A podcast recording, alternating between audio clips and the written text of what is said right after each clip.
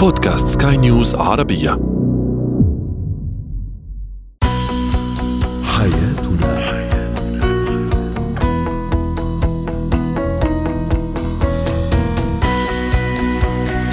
مستمعينا الكرام أهلا بكم معنا إلى حياتنا. فضاؤكم اليومي الذي يعنى بشؤون الأسرة وباقي الشؤون الحياتية الأخرى والذي يمكنكم الاستماع إليه عبر منصة سكاي نيوز ارابيا dot com slash podcast وباقي منصات سكاي نيوز العربية الأخرى. كما يمكنكم أيضا مشاركتنا عبر رقم الواتساب 00971 561 886223 معي أنا آمال شاب. اليوم سنتحدث عن العزوبية الاختيارية. ما هي أسبابها؟ هل هو تهرب من المسؤولية؟ أم تحدي لنظرة المجتمع؟ أو له اسباب أو لها أسباب أخرى. هذه العزوبيه الاختيارية. أثر فقدان أحد الوالدين على الطفل ما هو تأثيره. على نفسيته. وأخيرا الذكاء العاطفي في العمل.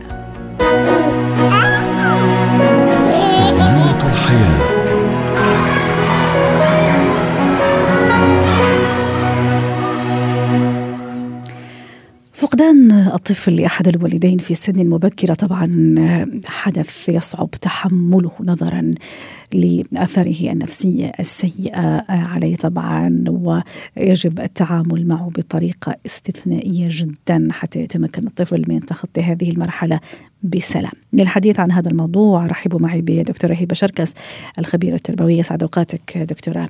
هبة. أكيد الفقدان هو شيء صعب، الفقد شيء صعب جدا فما بالك بالنسبة للطفل وهو في سن صغير، نتحدث اليوم عن أثر آه، فقدان أحد الوالدين على نفسية الطفل، طبعا الفقدان نحن نحكي على موت لا سمح الله. طبعا تجربة الفقد من أصعب التجارب اللي بيمر بيها الإنسان بشكل عام يعني آه، سواء كان كبير أو كان صغير والرسول صلى الله عليه وسلم لما مر بتجربة الفقد لعمه وزوجته في نفس العام سمي عام الأحزان. ف... ففعلا تجربة الفقد بتكون تجربة صعبة جدا على الأطفال لكن الأطفال الصغار جدا يعني الرضاع والأطفال اللي مثلا لغاية سن سنتين أو ثلاثة وحتى ممكن لغاية سن أربعة ممكن يمر عليهم عملية الفقد من غير ما يفهموها قوي غير إن الشخص ده بدأ يختفي من حياتهم. لكن ممكن يدركوا مشاعر ال- المحيطين بيهم اللي موجودين في البيئة. ممكن يسأل على الوالد أو الأم مثلا مرة اتنين تلاتة وبعد شوية ممكن يسكت آه،. لأنه اتلهى مع الناس اللي حواليه التانيين لكن الناس اللي حواليه أو ال- الباقي أفراد الأسرة لو تموا في مرحلة الأحزان والبكاء المستمر والأجواء المتوترة وهو حس بهذه البيئة مهم. عمالة بتتغير حواليه ده اللي ممكن يكون له أثر أكبر من فكرة الفقد نفسها طيب. يعني دكتورة هبة خ- خلينا نحكي مثلا الأب طبعا هو معروف هو القدوة هو السند هو القوة أيضا في في البيت هو- هو ركيزة البيت. تعي نحكي إذا آه، فقد الأب إيش يعني بالنسبة للطفل؟ ما الذي سيفقده معه هذا الطفل؟ والأم طبعا هي رمز للحنان والحنية والطبطبة وال- وكل الأشياء هذه والعطف أيضا. ونحكي أيضا إذا ما فقدت الأم لا سمح الله إيش يعني بالنسبة للطفل؟ نبتدي لو سمحتي لي دكتورة هبة بالأب عندما يفقد عندما يتوفاه الله. في البيت يعني إيش اللي راح يحس به هذا الطفل؟ الطفل بيحس إن إن السند بالنسبة له ما بقاش موجود بيحس إن بيحس بالضعف بيحس بالخوف من الحياة بيحس إن هو آه ممكن تتعرض حياته كلها للمخاطر آه مصدر الدخل بتاعه يعني بيجي عند الأطفال من فوق سن الست سنوات بتيجي أفكار زي هو هيعيشوا فين وهيعيشوا إزاي مين هيكون معاهم في البيت آه آه مين اللي هيكون بيصرف عليهم أو بينفق عليهم منين هياخد مصروفه هيكمل مدرسته إزاي. يعني بيبدأ الطفل آه، تتفتح مداركه لما بيكون فوق الست سنوات على أسئلة من من قبيل السند والاستدامة بتاعه الأسرة واستمرارية ال- الصرف والإعالة بتاعته هو مين اللي هيقوم بهذه الأعباء المالية والمسؤوليات عند عند الطفل. فبيبدأ هذه التساؤلات تبقى موجودة عنده آه، ولو الأسرة ما اهتمتش بالأبناء وأجابت على أسئلتهم إجابات حقيقية الأبناء بيفقدوا ال- الثقة بباقي أفراد الأسرة وبيحسوا آه، بالفرق الاجتماعي آه، والاقتصادي اللي ممكن تعاني منه الأسرة بعد فقد ال- الأب تحديدا من فوق ست سنوات. كل ما كبر الطفل كل ما بيكون فقد الأب بالنسبة له أوجع وأكثر إيلاما منه هو صغير لأنه هو صغير غالبا بيكون ملتصق أكتر بالأم فممكن الأم باستدامة الاتصال مع وجود الأخوال والأعمام لو عنده أخوة كبار ممكن يبدأ إحساسه بفقد الأب يكون أقل شوية لأنه لسه لم يدرك الإنفاق والإعالة ولم يدرك دور الأب الحقيقي في في الحياة. لكن كل ما كبر كل ما حس إن هو ظهره اتكسر. كل ما حس إن هو ما عندهوش سند. وربما أيضا في حالة مثلا زواج الأم أيضا بعد وفاة الأب أيضا هذه قصة أخرى دكتورة طبعا. هبة ومن الأشياء اللي ممكن تشغل باب غير بال على الطفل. الأم كمان. يعني غير إن هو بيبقى فيه فقد للأب كمان غيرة الطفل على أمه إن أمه دي بتاعته ملكه إن إزاي شخص آخر حي... هيشاركهم فيه. فطبعا غيرة الولد تحديدا على الأم بتكون جدا صعبة زواج الأم بالنسبة لأبنائها خصوصا لو كانوا في مرحلة الشباب أو في مرحلة المراهقة. تعالي نحكي أيضا شوية دكتورة هبة لو تسمحي لي على موضوع فقد الأم أيضا اللي كما قلنا هي رمز الحنان، العطاء، العطف، الحنية، إذا ما فقدت شو ممكن يصير في هذا الطفل؟ نفسيا وتربويا وسيكولوجيا. الإحساس بإن هو ما عندوش دعم عاطفي. الإحساس بإن ما فيش حد هيقدر يفهمني قدها. الإحساس كمان أحيانا بالتقصير وبالذنب تجاه الشخص المفقود خصوصا الأم اللي متعودة إن هي بتضحي وما بتاخدش مقابل. فهنا ساعات الأبناء بيحسوا إن إحنا ليه قصرنا في حقها؟ يعني بيبقى فيه آه شعور بالذنب تجاه سواء الأم أو الأب. بس عاده بنلاحظ إن شعور الشعور بالذنب في التقصير بيكون أكتر ناحية الأم. طبعا إن نمط الحياة بتاع الأسرة بيبدأ يختلف. آه بيكتشفوا إن في أدوار كتير وأشياء كتيرة. من من الكلمات الجميلة اللي سمعتها إن بنت كانت بتقول لي بتقول لي أنا اكتشفت إن الحياة مش ماشية اوتوماتيكالي أنا اكتشفت إن كان في يعني كان في جهاز عظيم ورا الموضوع ده بينظم حياتنا كلها هي الأم. يعني يعني كانت ده البنت بتوصف حالة الفقد. كمان من الأشياء المؤثرة اللي حكوا لي عنها الأبناء تعرضوا لحالة الفقد التجاهل بتاع الأسرة لوجودهم. يعني البنت بتقول لي في يوم الفقد جت صديقة أمي اخذتنا نلعب مع أولادها. وإحنا شايفين يعني البيت بيكتسي باللون الأسود وال... والدنيا كئيبة جدا وإحنا رايحين قاعدين في بيت مش معتادين عليه والمفترض إن إحنا نلعب مع الأولاد دول وهم نسيوا إن إحنا موجودين. وبعد ما خلصوا العزاء والأحزان لمدة ثلاث أيام بدأوا يشركونا في الحاجات اللي حصلت في حين إن أنا كنت في سن الثامنة. فيعني فعلا إن إحنا نتخيل إن الأبناء لأ خليهم يبعدوا لغاية لما نخلص اللي ورانا ونفضلهم.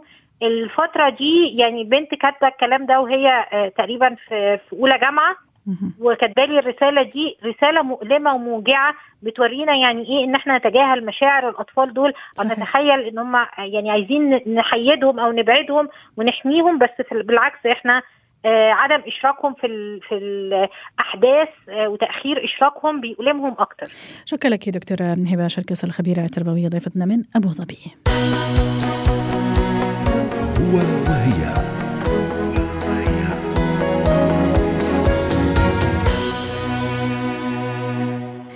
في هو وهو وهي اليوم الحديث عن العزوبية الاختيارية. ما هي أسباب هذه العزوبية الاختيارية. نستقبل دكتورة ريما بجاني ضيفتنا من بيروت الاستشارية النفسية والأسرية سعد أوقاتك دكتورة ريما ما هي الأسباب السيكولوجية والنفسية اللي تخلي الشخص يعزف عن الزواج أو يضرب عن الزواج من الآخر يعني؟ بتعرفي هذا موضوع شائك جدا آه وكثير كثير عم بيزيد بايامنا هلأ. آه يمكن أول شيء ببلش كان بتعرف هو موضوع كبير وفي يكون عنده كذا أسباب إن كان العائلية ال examples عنده إياها خوف من المسؤولية يعني في قله كثير أفكار. خليني بلش أول شيء بال mode بحس يمكن أقرب شيء لنا هلأ نحكي هي طبيعة الحياة. طبيعة الحياة اليوم الإنسان صار يخاف يفقد حريته. نحن اليوم وقت نعمل إذا بدك كومباريزن بين هلأ وبين الأجيال الماضية كيف كانت تعطي من كل وقتها وحياتها لأولادها أو لعائلتها أو لزوجها أو للزوجة لأن هي من من الميلتين في بعض الناس نميت عندهم خوف إنه أنا اليوم ما في يكون على هذا المستوى أو ما بدي يكون. لأنه هون كمان عندنا الموضوعين. مش هيك وقت اليوم إنسان ينقي. وعدم القدرة وعدم الرغبة.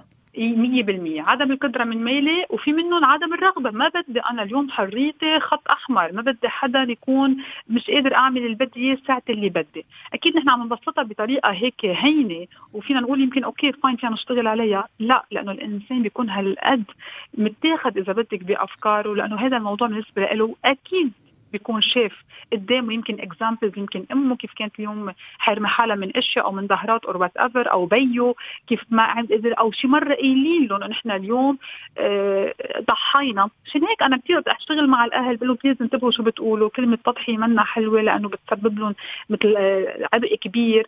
آه، اليوم قد ما نكون ضايقين بتربيتنا لأولادنا ونفرجيهم أو نحن كأهل كمان نكون عندنا وقتنا. على طول أنا بحكي لازم يكون عندنا priority هيك بنكون عم نعطي image اذا بدك صورة جيدة عن الزواج. فإذا اليوم بنبلش إذا بدك أهم وحدة هي هيدي نمط الحياة اللي أنا بعتمده اليوم لأنه أكيد بترتب لنا كثير إشياء بطريقة كثير هيك بسيطة. ما بقدر نام ساعة اللي بدي أقوم ساعة اللي بدي اقضيها ساعة اللي بدي أشتري بدي ربي أولادي أو الزوج بده يكون عندي مسؤولية للأولاد extra بيكون هذا الإنسان ما بده أو مش حاسس حاله قد هيدي المسؤولية.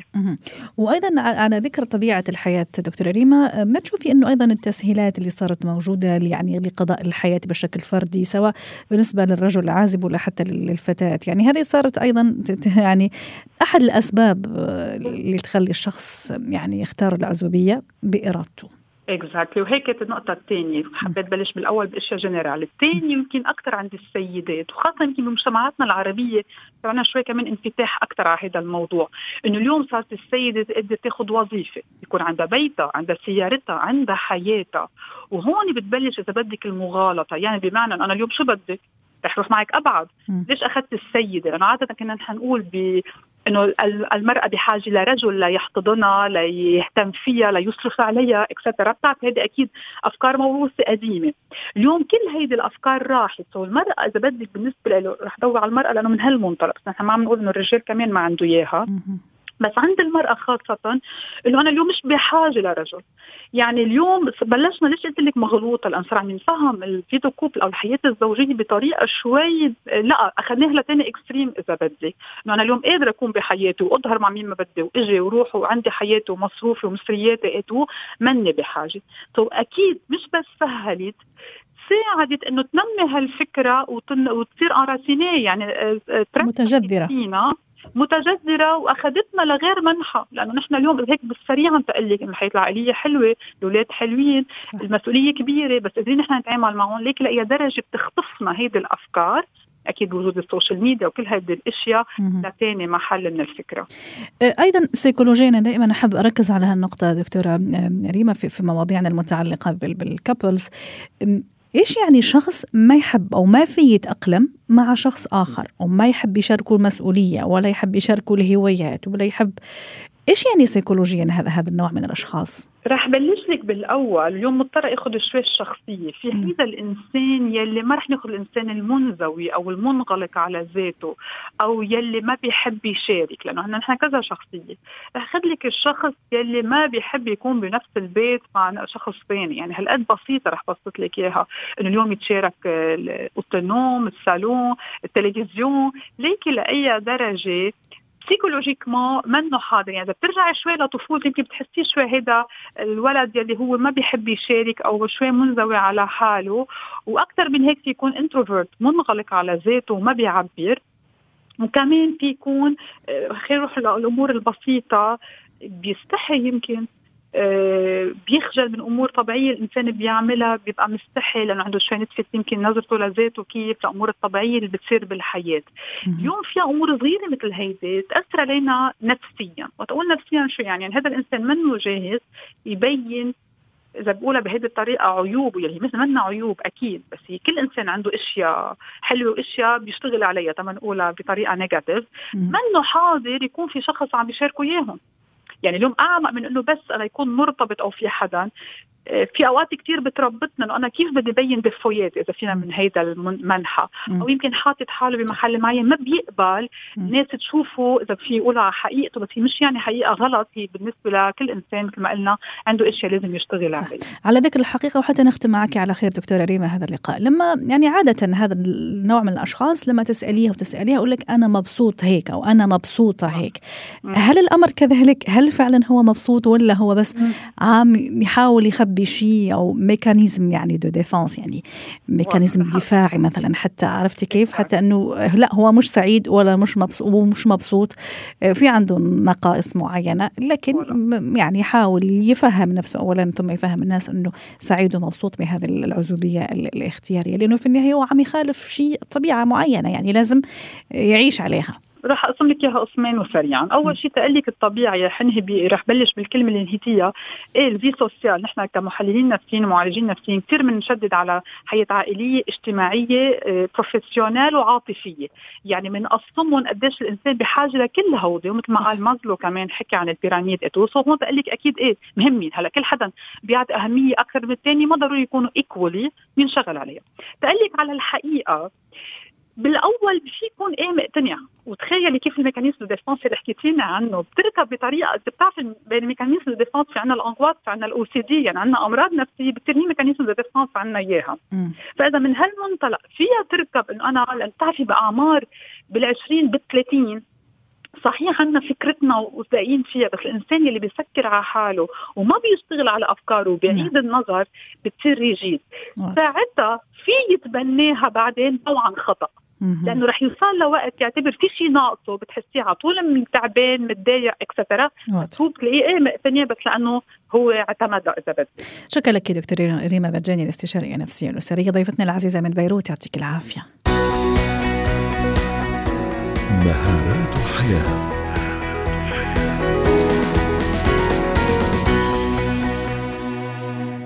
اليوم سنتحدث عن الذكاء العاطفي في بيئة العمل. للحديث عن هذا الموضوع رحبوا معي بأستاذ محمد الطيب مدرب مهارة الحياة تسعد أوقاتك أستاذ محمد. حكينا في مرات كثيرة عن الذكاء العاطفي في حياتنا الأسرية الاجتماعية مع الزوج مع الزوجة مع العائلة.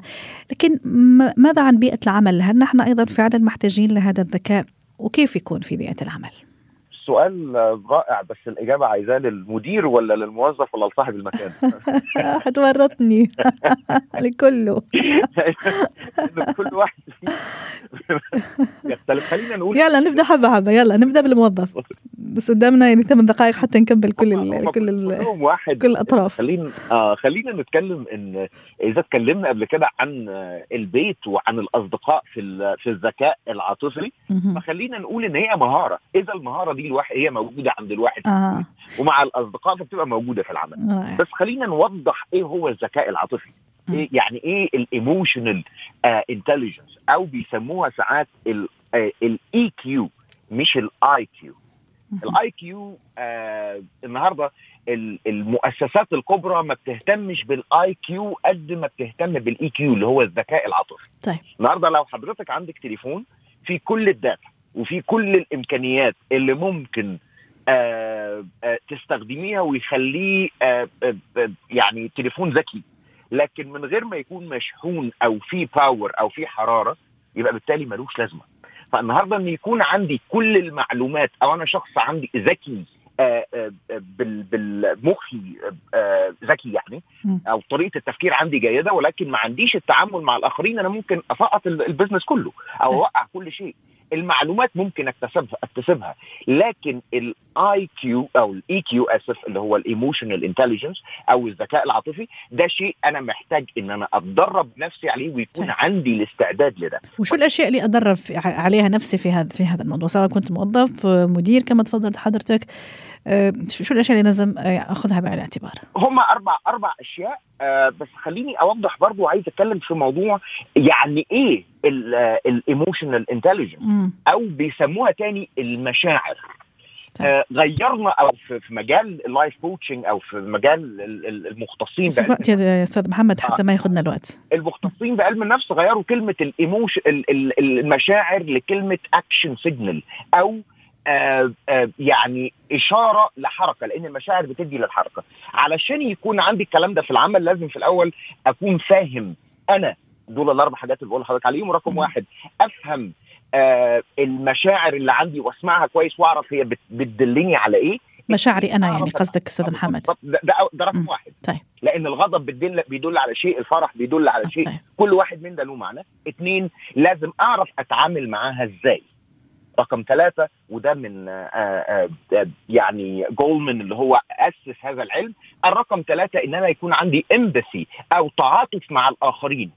وبعدين أدير العلاقة مش أتحكم في العلاقة. يبقى رقم واحد أتفاهم مع مع مشاعري. اثنين أعرف أتعامل معاها. ثلاثة آه يكون عندي امباثي أو تعاطف مع الآخرين ولكن إحنا زودنا عليها حتة إن أنا اتفهم الأول وبعدين بعد كده أتعاطف أو لأ. رقم أربعة إني إزاي أدير العلاقة وليس التحكم وليس التحكم في العلاقة. دول الأربع حاجات اللي أنا محتاج أدرب نفسي عليهم وكل واحدة بتاخد خطوات كتيرة جدا. آه بس أكون مركز في الموضوع وأقرأ وأفهم في موضوع المجال أو الذكاء العاطفي علشان أوصل للكلام ده في العمل لأن هو القائم آه على نجاحي في العمل ذكائي العاطفي. أيضا في في في دقيقة يمكن أو شوية الموضوع مثلا التفكير قبل ما أتكلم هذا هل يعتبر أيضا من الذكاء العاطفي في بيئة العمل؟ الإصغاء الجيد أيضا الإيجابية أيضا أستاذ محمد هل هذه كلها يعني نقاط تندرج في الموضوع الذكاء العاطفي وأهميته بالنسبة لبيئة العمل؟ الجزء ده مهم جدا اتكلم عليه. ستيفن كوفي في كتاب العادات السبعة وهي كانت العادة رقم خمسة اتكلم وقال try to understand before you be understood. قبل ما أحاول إني أتفهم أفهم الأول أوصل المعلومة. آه إن أنا يكون عندي الطريقة للاصغاء أو للسمع ودي مراحل آه ليها درجات ممكن نبقى نتكلم عليها في وقت تاني إيه درجات السمع آه وإزاي إن أنا أستوعب اللي قدامي وبعدين بعد كده بيدرب حاله إن بيشوف الكلمة قبل ما بيقولها. فبالتالي زي ما ما المذيعين النهارده بيشوفوا ال autocue وبيبقى الكلام مكتوب بيدرب حاله إن إن إزاي الكلمة يكون عارف هتتع... هتبقى إزاي مع الآخرين. بس خدي بالك برضه هيطبق الأربع أشياء. يفهم حاله الأول علشان يقدر يفهم الآخرين لأن اللي مش فاهم حاله بالتالي مش هيقدر. يتعامل مع الآخرين بشكل ذكي أو بشكل ايموشنالي عاطفيا صحيح.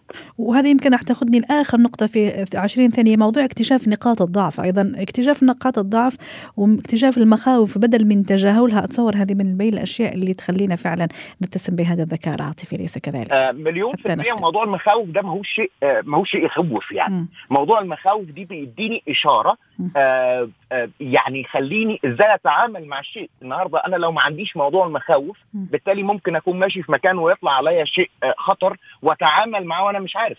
لكن نعت. المخاوف دي موجودة في داخل الإنسان أقدر نعت. يعني لو استخدمتها بتكون بشكل صحي أقدر أعمل. شكرا لك أستاذ محمد طيب مدرب مهارة الحياة ضيفنا من دبي يعطيك العافية. حياتنا.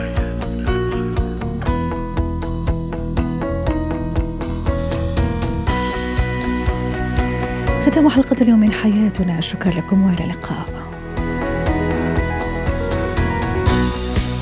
Haie.